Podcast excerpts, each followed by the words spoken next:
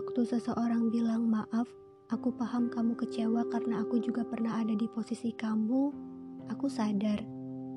Tidak pernah ada orang yang benar-benar memahami tentang perasaan kita. Semua orang lebih pandai melihat lukanya sendiri daripada luka orang lain.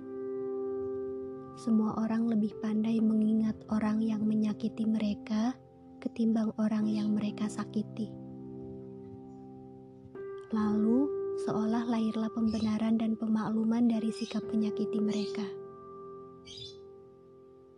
Wajar, sepanjang hidup dibebani dengan perasaan bersalah, memang tidak pernah terdengar menyenangkan.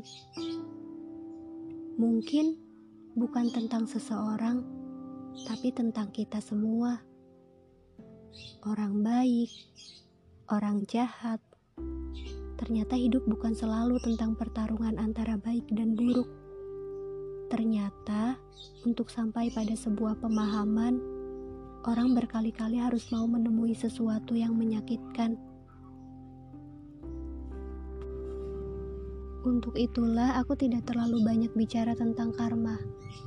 Yang aku percaya, manusia adalah bentuk lain dari semesta, sama seperti bumi yang berputar takdir manusia juga. Seseorang akan mengalami jatuh bangun dalam hidupnya. Mungkin di satu waktu ia menemui penyesalan untuk hal baik yang tidak sempat ia lakukan. Lalu ia merasa itu adalah hukuman dan kutukan atas kesalahan yang ia lakukan di masa lalunya. Kemudian orang-orang menamainya karma.